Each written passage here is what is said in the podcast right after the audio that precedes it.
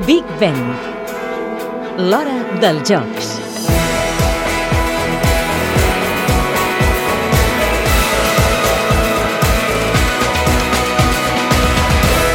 Preolímpics de la pròxima primavera seran l'última oportunitat pels equips que no tenen plaça per Londres. La preparació i la participació de les seleccions en eixos campionats afecta la faena dels clubs i condiciona el calendari de les competicions. Les lligues masculina i femenina de waterpolo s'interrompran un parell de vegades, com explica el tècnic de l'equip femení del Sabadell, Nani Guiu. principis de desembre ja quedaran concentrats amb la selecció per jugar al Campionat d'Europa, que es jugarà la segona quinzena de gener. O sigui que no les tornarem a tenir fins al 4 de febrer, pràcticament. I llavors es tor tornarà a haver-hi per on perquè hi ha el preolímpic, aquí és on es jugaran la, la plaça olímpica i estarem quatre setmanes més també sense les jugadores. Clubs com nosaltres, que tenim tantes jugadores a la selecció, pues, és un any complicat. El mateix passa amb l'Hockey Hierba, on per poder coordinar-ho tot, la Lliga ha hagut d'adaptar el seu sistema. Dado Fàbregas és el tècnic del polo. Afecta primer perquè s'ha canviat el format d'una lliga en play-offs, ens passem a una lliga regular que no jugues amb tothom, fas una primera volta que jugues a sorteig amb tots els equips i una segona volta que juga, jugues només amb els sis de davant